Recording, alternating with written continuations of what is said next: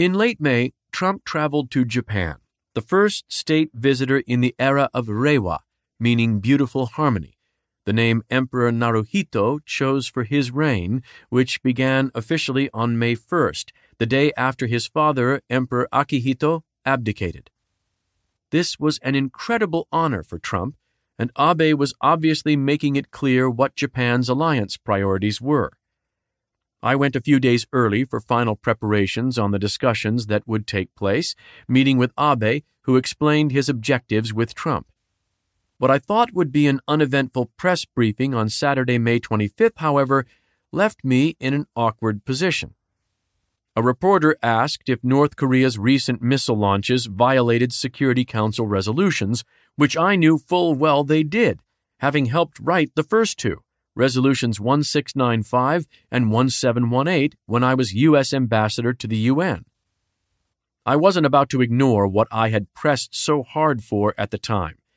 And as a matter of logic, if not perception, it was entirely possible for the launches to violate the resolutions without violating Kim's pledge to Trump, which involved only ICBM launches. It was equally true that Trump looked foolish for not understanding that Kim had, in effect, sold him the Brooklyn Bridge with that pledge, but we were never able to shake Trump's faith he had scored a coup in getting it. Shortly after Air Force One arrived in Japan, Trump tweeted, North Korea fired off some small weapons which disturbed some of my people and others, but not me. I have confidence that Chairman Kim will keep his promise to me and also smiled when he called swamp man Joe Biden a low IQ individual and worse. Perhaps that's sending me a signal. I could tell already this was going to be a fun trip. On Monday, May 27th, the visiting U.S. delegation attended the Honor Guard ceremony with the Emperor on the grounds of the Imperial Palace in central Tokyo, which was impressive. Trump reviewed the Honor Guard, but the Emperor did not, which I suspected was intended to show a break with pre World War II Japanese history. After a private meeting between Trump, the First Lady, and the imperial couple, we motorcaded to the Akasaka Palace. The palace, a huge building that looked as though it had been transported from Versailles to Tokyo was built right after World War I to copy the French style of architecture. Several Japanese told us the palace was now unpopular because who wouldn't dislike a massive French chateau in the middle of Tokyo? I tried to focus Trump on North Korea's missile tests. While he might have viewed them as insignificant, the Japanese, who lived a lot closer to North Korea, had a different view. He said, I don't mind having people who disagree with me. Which wasn't really my point. Before I could try again, we were ushered into a large, ornate room for the first meeting with just the two leaders, Yachi and me, and the interpreters. Abe began by thanking Trump for meeting later with families of Japanese citizens whom North Korea had kidnapped over the years. North Korea repeatedly denied the kidnappings, but the contrary evidence was overwhelming. Abe himself, early in his political career, had made standing up for the hostage families a signature issue, so he personally appreciated Trump's gesture. Later, the family members, whom I had previously met several times in Washington, didn't mince words with Trump. North Korea lied to you and tried to cheat you, said one, and another added, North Korea has been a terrorist nation for three generations. Trump responded warmly saying to one relative, Don't ever stop. Don't ever stop, regarding his attempts to free his family member. To the mother of another abductee, he said, You'll see her again. In their joint remarks to the press after the meeting, which was a big boost for Abe, Trump said, We'll work on it together to bring the abductees home. After further discussions with Abe, largely on China, when we were in the U.S. holding rooms, Trump asked why the U.S. Trade Representative Bob Lighthizer hadn't been in the meeting. I explained about the scheduling of the different subjects, which Trump ignored. Lighthizer should have heard that speech on China, Trump said, and then, looking at me, added, When you write your book, get it right. I laughed and said I would, and even Trump laughed at that point. Request fulfilled. At 3 p.m., Abe and Trump had a joint press conference, with Trump saying again he was not worried by North Korea's missile launches, and Abe saying publicly, with Trump standing beside him, that he believed they had violated Security Council resolutions. The press just loved the split, but more important, it showed to North Korea that despite the efforts underway all day to show the solidarity of the U.S. Japan alliance, it was clear Abe and Trump had different views on North Korea. In June, Trump returned for the Osaka G20 meeting and met with Abe at 8:30 a.m. on Friday the 28th. In my view, Trump's best personal relationship among world leaders was with Abe, golf buddies as well as colleagues. Although when Boris Johnson became UK Prime Minister, it became a tie. Trump loved mentioning that Abe's father had been a World War II kamikaze pilot. Trump used it to show how tough the Japanese were generally and how tough Abe was in particular. In one version, Trump described Abe's father as disappointed he hadn't been able to carry out his intended mission for the emperor, never seeming to realize that had the father succeeded as a kamikaze, there would have been no Shinzo Abe born in 1954 mere historical details. Abe once again warmly thanked Trump for meeting with the abductee families during the state visit. Abe said North Korea urgently wanted a deal, which meant different things to the two leaders. To Abe, it meant that North Korea must start concrete actions toward denuclearization, and there was no need to relax sanctions. Trump, though, said that Kim was directly writing him beautiful letters and birthday cards, and that the North wanted to do something because the sanctions on North Korea were hurting badly.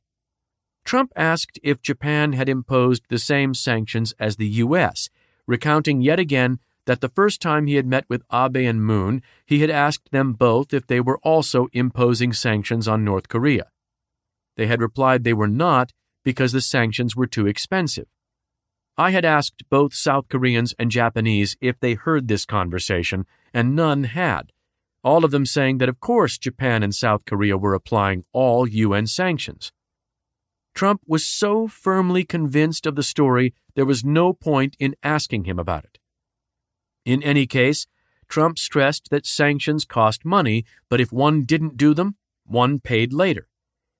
He thought North Korea was sending signals that they might want to close more than one of their nuclear sites, as they had offered in Hanoi, and wanted another meeting. He laughed that they hated Bolton, Pence, and Pompeo, but they loved him. Abe and the Japanese duly laughed, perhaps mostly out of discomfort. Trump said he didn't care because there were no rocket or nuclear tests. Trump had other bilateral meetings that same day, customary at these affairs, and in a brief discussion with Germany's Merkel, touched on North Korea and his post G20 visit to the South. Trump complained that the U.S. had soldiers everywhere but didn't get anything out of it. He suggested he might meet Kim Jong un, whose relationship with him was unparalleled, at the DMZ, because Kim wanted to do something but didn't know how to get it started. This, I think, was the first reference to Trump's wanting to meet Kim at the DMZ that anyone in the U.S. delegation heard. We also heard about it Saturday morning, waiting to brief Trump for the day ahead. Mulvaney showed me a tweet on his cell phone asking if I knew about it, which I did not.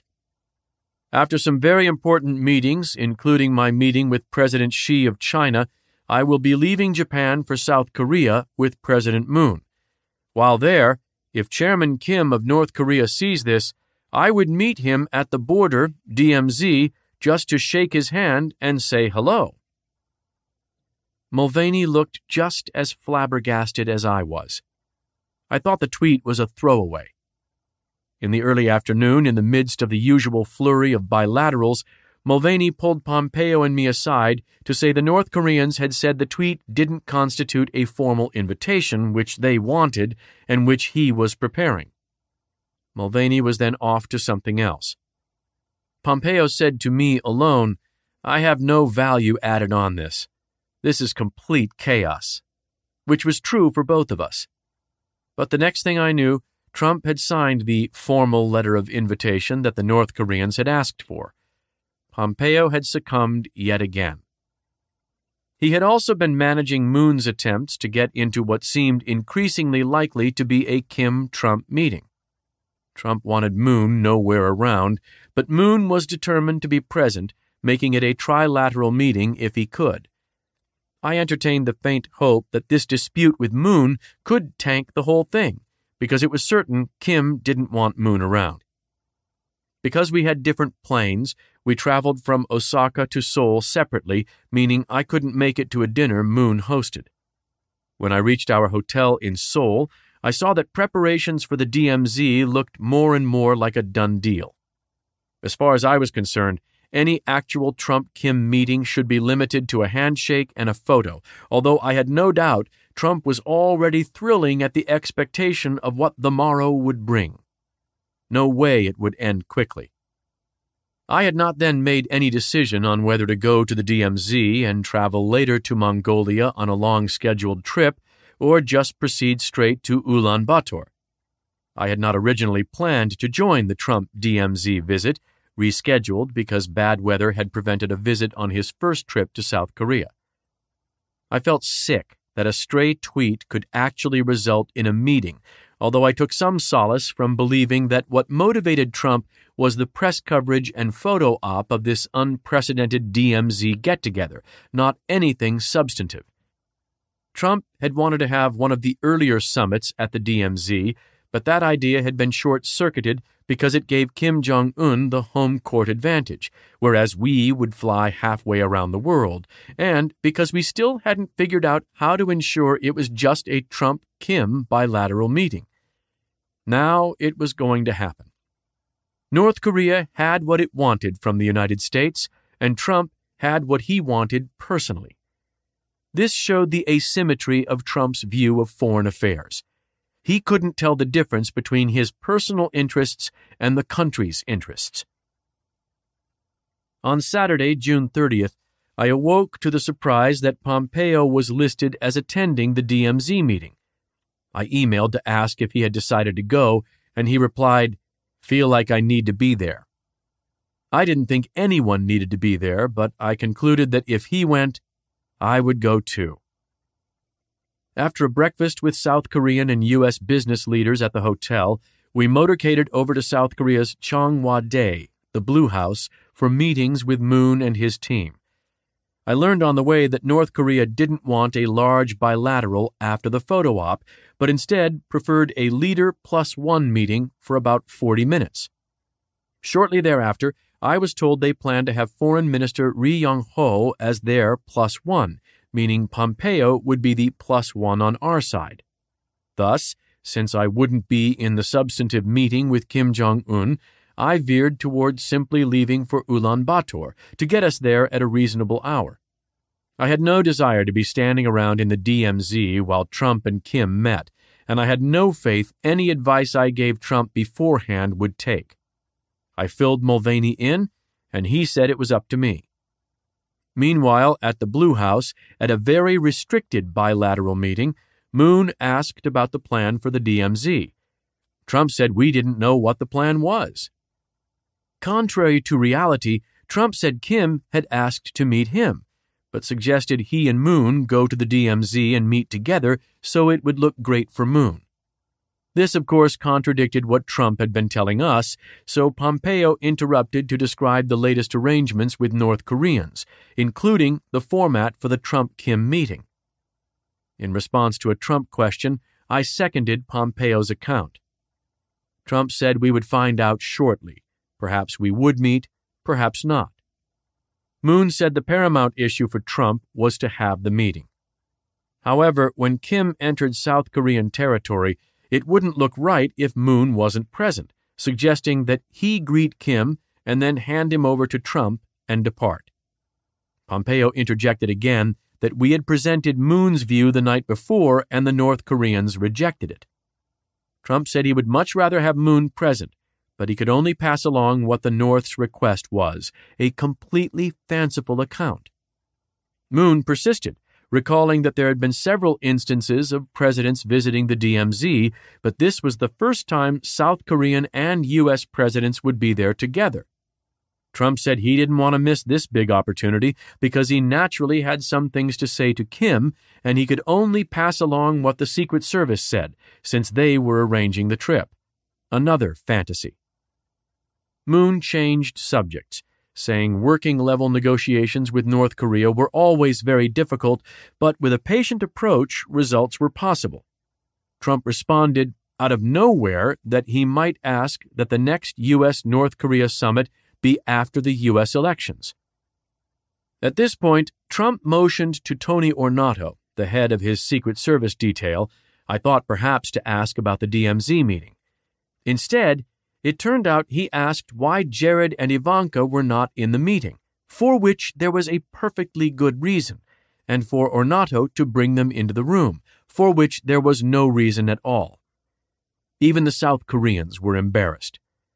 Trump sailed on, saying he thought he understood at least a bit how Kim Jong un thinks, and he knew Kim wanted to see him. Perhaps, Trump suggested, Moon could send him off to the DMZ from Seoul, and then they could meet again at Osan Air Base during the meet and greet with U.S. soldiers.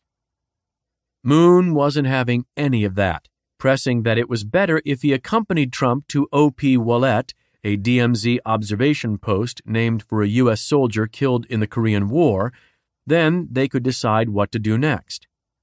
Trump said anything Moon wanted to do was fine with him, and they could go to OP Ouellette together. In response to another Trump question, I assured him that that was the plan. Trump then turned unexpectedly to base costs, recounting that Pompeo and I had previously raised the issue with Moon. Trump loved South Korea, but the U.S. was losing $20 billion a year on trade with them. Some people wanted to put tariffs on South Korea so that instead of losing $38 billion, these numbers tended to come and go, the U.S. would make $30 billion. But Trump had resisted because of his relationship with Moon. The year before, he had asked me to calculate the amount of the base costs and work with South Korea for a fair and equitable share, and that amount had been $5 billion a year, or $5.5 billion, more numbers coming and going. Trump then said that in all other cases, countries had agreed to pay more for base costs, which wasn't true, at least not yet, noting that at the end of 2018, South Korea had agreed to pay just under $1 billion, postponing the reckoning for one year.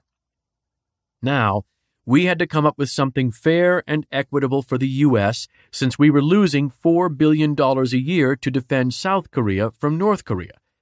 The North was nuking up, and there would be serious consequences if the U.S. wasn't present on the peninsula.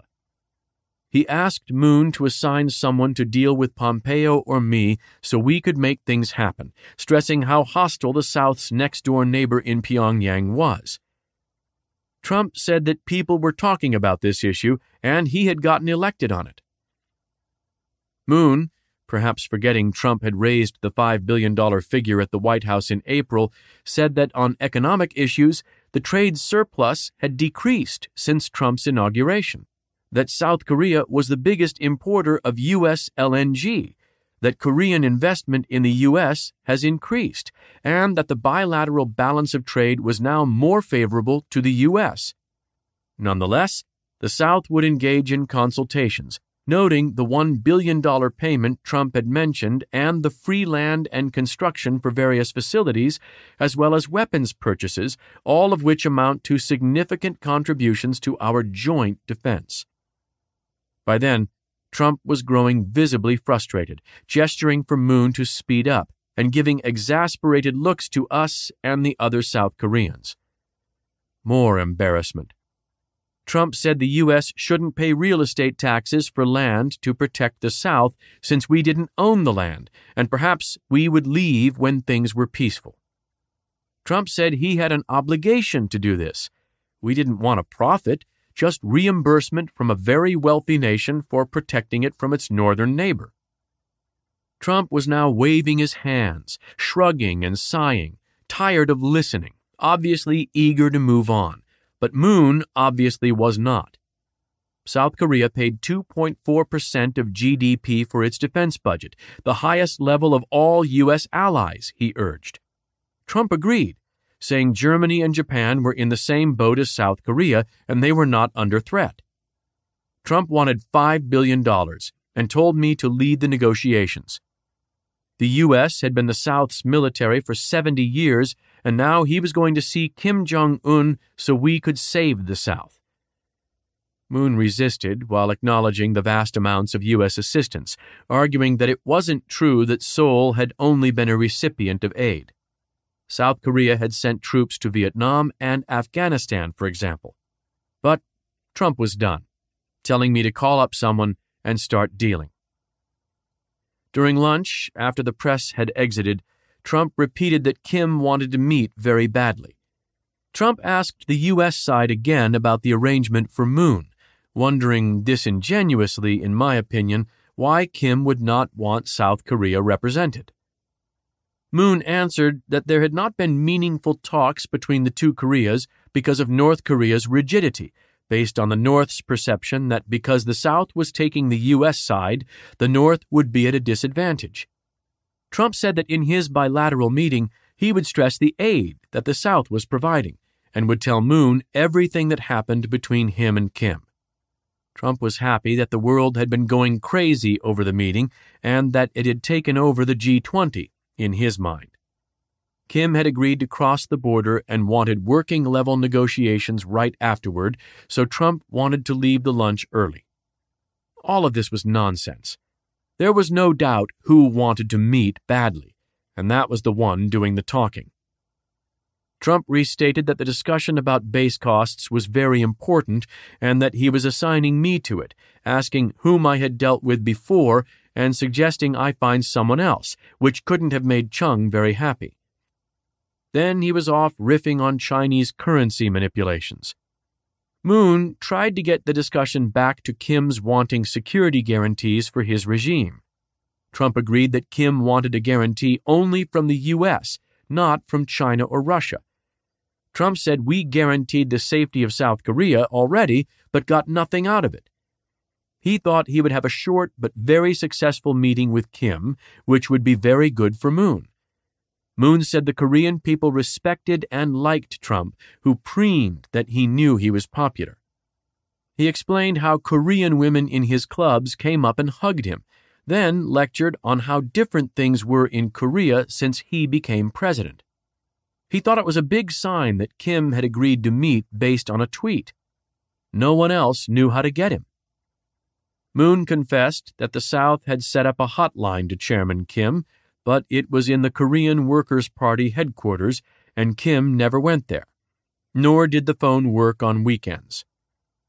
Although the working lunch started 20 minutes late, Trump said, five minutes before its scheduled ending at 1 p.m., that he wanted to leave right then. By this point, I had decided to go straight to Mongolia rather than the DMZ, although I had informed only NSC staff. I waited near the beast so I could tell Trump what I was doing. I understood what conclusions might be drawn from my not being at the DMZ, but I was past caring at that point. I left South Korea for Ulaanbaatar in the early afternoon, watching reports of the events in the DMZ as we flew. As foreshadowed by his earlier comments and the irresistible photo op presented, Trump walked into North Korea with Kushner and Ivanka nearby. Kim looked delighted in the pictures, as he should have. What an incredible gift Trump had given him, coming to the DMZ for the personal publicity. The whole thing made me ill. It didn't get better later when the media reported Trump had invited Kim to the White House. The Kim Trump meeting itself lasted about 50 minutes, and the two leaders agreed working level talks should resume again quickly. Of course, Biegun did not yet have a new counterpart. His former one was now likely lying somewhere in an unmarked grave, but no matter.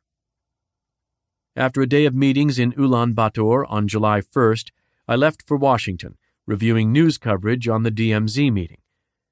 Most of it was what I expected, but one story in the New York Times stood out as particularly bad. Our policy had not changed at the DMZ, but the briefing the Times reported discussing a nuclear freeze closely resembled exactly the road to trouble Biegun had followed before Hanoi. I thought we had buried that approach when Trump walked out, but here it was again, as bad or worse than before. There were other media stories where I thought I detected Biegun's fingerprints, but this one was beyond the pale, in my view, both substantively and in process terms. I asked Matt Pottinger what could have justified this media offensive, concluding Trump hadn't authorized a nuclear freeze after the Kim Jong un meeting, although he was obviously excited about resuming working level negotiations. Trump wrote Kim yet another letter, which was essentially fluff, but at least it didn't give anything away or provide any basis for what had been briefed to reporters. Biegun had taken Trump's enthusiasm as a license to shape the next talks with North Korea in ways that had consistently failed for 30 years. Biegun initially denied to Hooker and Pottinger that he was the source for the Time story, although the denial was carefully phrased and was in any event discredited when we received from a friendly reporter a transcript of his briefing. So much for interagency coordination. He was out of line, whether with Pompeo's blessing or not. I thought it important to correct the impression we were on the road back to prior administration's failed policies before things got out of hand. I knew it was risky to say anything publicly, but it was time to take risks. Besides, if I had to resign, it wouldn't be the end of the world. After some careful drafting, I tweeted the following just before Wheels Up in Tokyo where we refueled. I read this NYT story with curiosity. Neither the NSC staff nor I have discussed or heard of any desire to settle for a nuclear freeze by NK. This was a reprehensible attempt by someone to box in the president. There should be consequences. I never heard word one from Trump about this tweet, and I was happy to see Lindsey Graham retweeted it soon after I sent it out. Glad to see National Security Advisor Bolton push back hard against the NY Times narrative, stating the administration would accept a nuclear freeze as an acceptable outcome by North Korea. On July 3rd, I spoke with Pompeo on several subjects, and he raised the Times story and my tweet, complaining bitterly. Why didn't you call me? he asked. What Biegun said, so much for Biegun's denials, is a lot closer to the president than you are. This was chilling, if true. I replied that I could ask the same question about him and Biegun. Why hadn't they called me? My tweet still represented official administration policy, while Biegun's briefing did not, which Pompeo did not dispute. I said I wasn't aiming at him and that we would both be more effective if we stuck together on substance which he agreed with. He said, laughing, Our teams like this stuff, but we'll do our best if we grow up, which I at least am still struggling to do. It was a good clearing of the air, but I thought Pompeo mostly worried I had criticized him publicly from the right, which Graham's tweet had reinforced. More seriously, Pompeo said he feared Trump was back to leaving the peninsula entirely which was what fundamentally concerned me about the whole base costs issue, and which echoed what Trump said randomly about Afghanistan, Iraq, Syria, Africa, and sundry other locations. Nonetheless, Pompeo believed we didn't let anything out of the bag with Kim, meaning nothing would emerge publicly to compromise our position. On the other hand, Pompeo said he had tried to walk Trump back after the DMZ, urging, we don't want to do what John Kerry would do. Trump answered, I don't give a shit. We need a victory on this, although he also repeated he was in no rush. Despite our conversation, however, within days, Pompeo was telling Biegun not to participate in NSC meetings on North Korea, as before, exhibiting the same proprietary behavior over North Korea he had done repeatedly on Afghanistan. I understood the imperatives of turf in government affairs, but I could never understand why Pompeo didn't seek allies on these issues. When his policies went off the rails, not only would it be bad for the country, but Pompeo, along with Trump, would be solely identified with them. But, I figured, ultimately that was Pompeo's problem. How did Trump see the DMZ party? Nobody else could do what I did. Obama called 11 times and never got an answer, he said later that day. In my remaining White House days, I worried about unforced concessions to North Korea. Ironically, however, the North mostly stonewalled, except when it was launching ballistic missiles or attacking administration officials other than Trump. I also worried about the harmful potential of the basing costs issue in both South Korea and Japan, and the growing rift between those two countries, which threatened America's overall strategic position in East Asia. Back in Washington on July 16th, Pompeo and I spoke about yet another Trump demand to stop a joint U.S. South Korea military exercise that agitated the ever sensitive Kim Jong un. This exercise was mostly a tabletop affair, which would once have meant a lot of paper shuffling and moving troop markers around in sandboxes. Today, it was almost all done by computer. Despite repeated assurances that there were no Marines hitting the beaches with B 52s flying overhead, Trump wanted them canceled. I pleaded with Trump to let me make my planned visit to Japan and South Korea to talk about base costs before he made a decision, to which he agreed. More logical arguments, like the need for these and more exercises involving field maneuvers in order to ensure that our troops were at full readiness, able to fight tonight if need be, had long since lost their appeal to Trump. Pompeo also told me North Korea was projecting no working level discussions until mid to late August, a far cry from the mid July predictions made by Biegun and others right after the DMZ meeting. A few days later, I was off to Japan and South Korea to work on the base costs issue. Stopping first in Tokyo, I raised the question even though the current arrangements expired after South Korea's. The Defense Department, like the State Department, could barely contemplate asking for more funding from the host country, and an underling on the Pentagon's civilian side told Lieutenant General Kevin Schneider, commander of U.S. Forces Japan, which occupied the bases, he could not participate in my meetings, hoping to keep the Defense Department's fingernails clean. The reason I wanted both state and defense personnel with me was precisely to show that, for a change, the U.S. government actually had one position on an issue. After ascertaining just which civilian underling had caused the problem, I called Dunford and told him. The nation's top military officer had not even heard that civilian policy types were giving orders to his uniformed subordinates about what meetings to attend.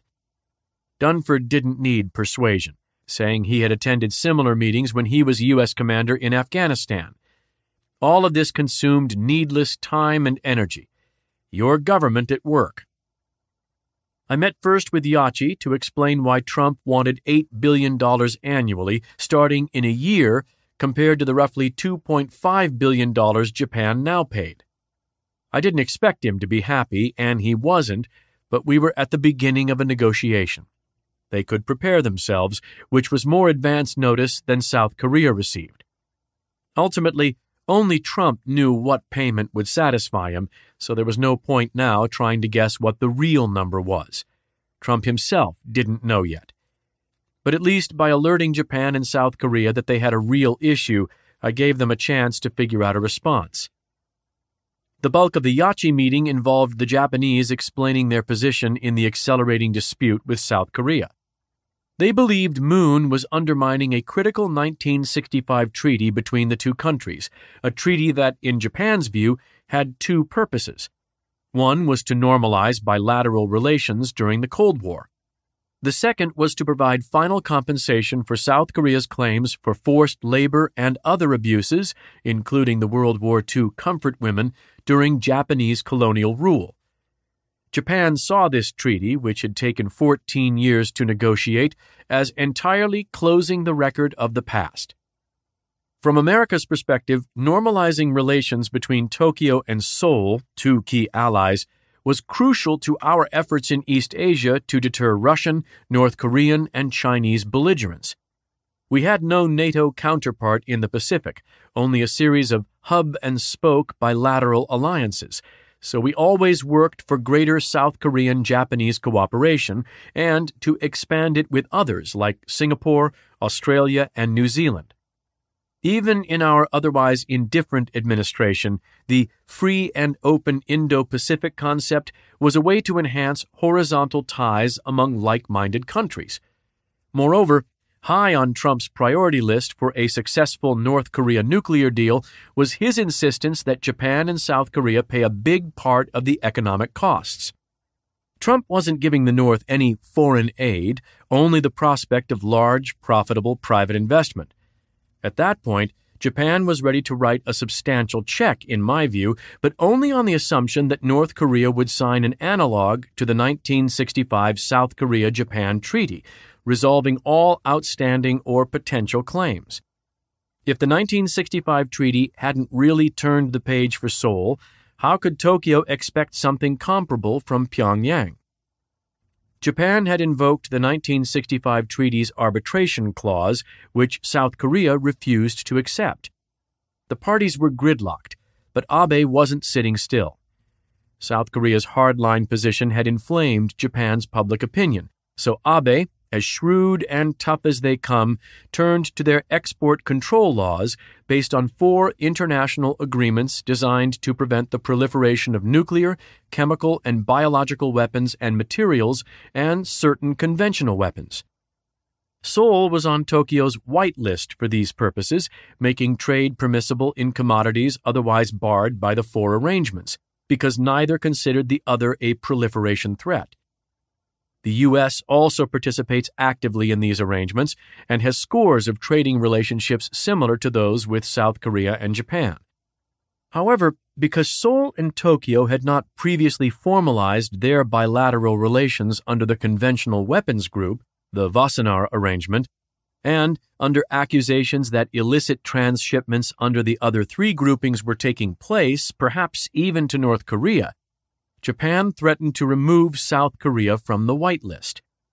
That would, as a result, require individual licenses for many items traded between the two countries, particularly regarding three sensitive items required to manufacture semiconductors, threatening the South's computer and other high tech industries. As if all this were not bad enough, in further response, South Korea was threatening to cancel a bilateral Japan agreement called the General Security of Military Information Agreement. Under this deal, the two countries shared vital military intelligence and other sensitive information, thereby allowing greater bilateral military to military cooperation. This was not just a bilateral issue between Japan and South Korea, but directly affected U.S. national security interests as well. As Secretary of Defense Mark Esper said later, the agreement was critical to sharing intelligence, particularly in a timely manner with regard to any kind of North Korean actions. If Seoul gave notice and the agreement collapsed, there would be a material negative impact on trilateral defense arrangements in the region at what was hardly a propitious moment. Timing was critical. The agreement was automatically renewable every year unless one of the parties gave 90 days' notice to cancel it, the date for which in 2019 was the fast approaching August 24th. Trump had already told Moon he didn't want to get involved in the dispute, so I didn't see much we could do. But this smoldering issue about to go big was bad news.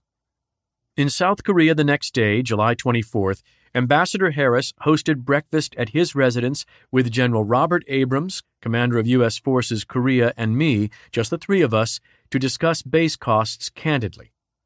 Harris, former commander of the U.S. Pacific Command before he retired from the military, understood how sensitive this issue was for Trump, having sat through the June 30th meetings where Trump belabored Moon with it. I wanted to be sure I left this breakfast with both of them understanding that simply stonewalling the question, especially as the end of the year approached, was a mistake. I also needed to explain Trump's angst over the upcoming tabletop military exercise so they could help those of us in Washington to resolve the problem rather than simply fighting it. Neither Abrams nor Harris could believe what they were hearing, which proved how far removed chatter in the Oval Office with Trump was from the dangerous real world these men inhabited. We eventually motorcaded to the Blue House to meet with Chung and an interagency team to go over the base costs issue. It was just as much fun as it had been in Japan, maybe even more so, because the December 31st deadline to renew South Korea's bilateral cost sharing agreement with the United States was bearing down on all of us.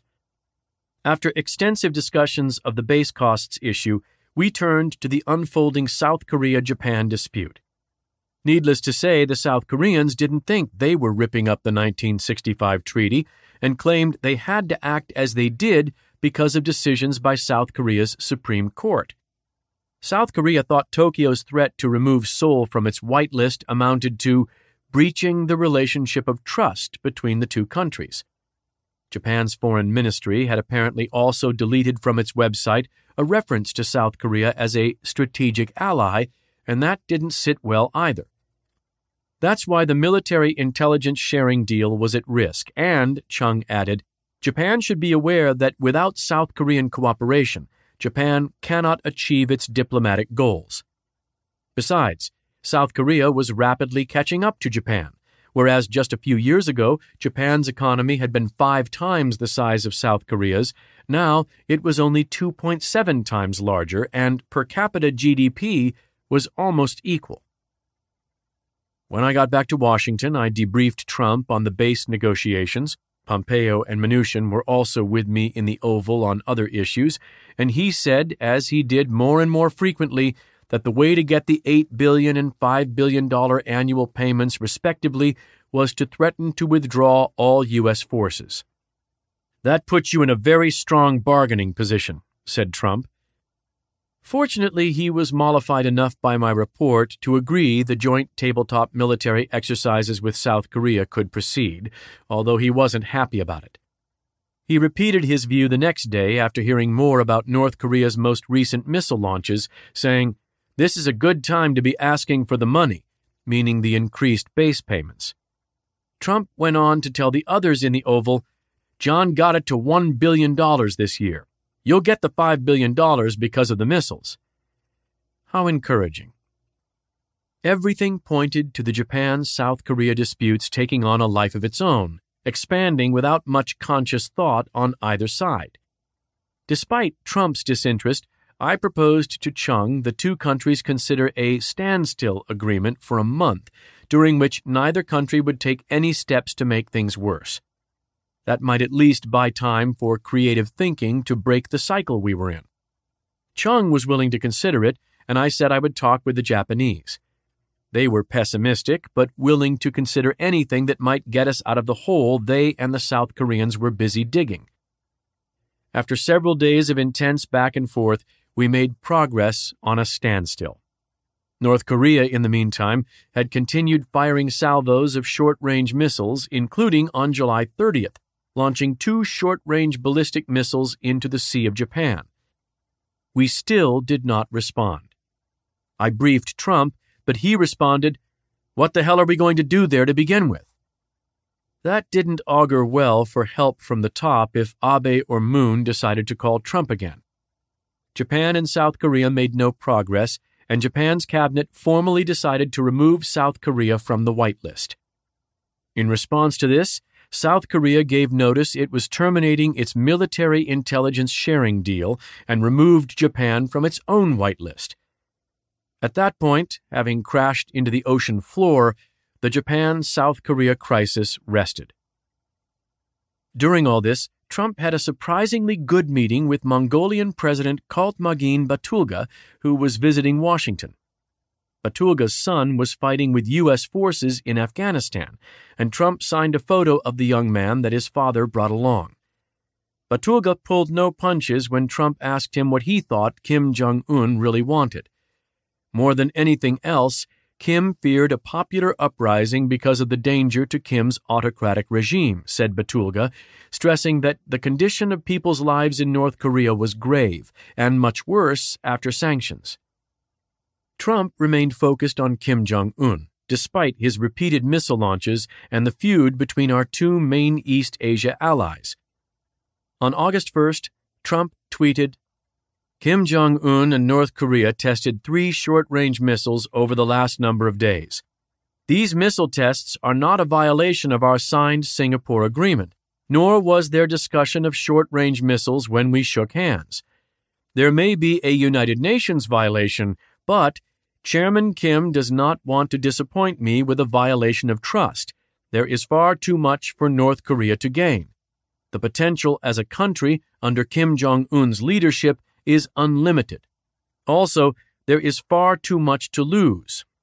I may be wrong, but I believe that Chairman Kim has a great and beautiful vision for his country, and only the United States, with me as president, can make that vision come true. He will do the right thing because he is far too smart not to, and he does not want to disappoint his friend, President Trump. That was our North Korea policy. During the 2020 campaign, there is little doubt North Korea will remain a major White House focus. What we cannot predict is how Kim Jong un will position himself. Taking advantage of U.S. election year politics, Will he try to entice Trump into a bad deal, the kind of approach that led Trump's predecessors into major mistakes? Or will he conclude that no deal with Trump is possible and that he would be better served waiting to see whether a pliant Democrat with even less foreign policy experience than Trump emerges as president? Whatever the answer, North Korea's trajectory toward being a fully capable nuclear weapon state will continue and for a fourth administration in a row spanning nearly three decades, the United States will have failed to stop the world's most serious nuclear proliferation threat. That means inevitably that some future administration will have to face a regime in Pyongyang that can cause incalculable damage to our country, absent a completely effective national missile defense system we still lack the resolve to build. All this could have been avoided had we only steeled ourselves to act earlier. For nearly 30 years, North Korea's progress toward deliverable nuclear weapons has only increased the threat. We can only hope we yet have a chance to stop it before it becomes imminent.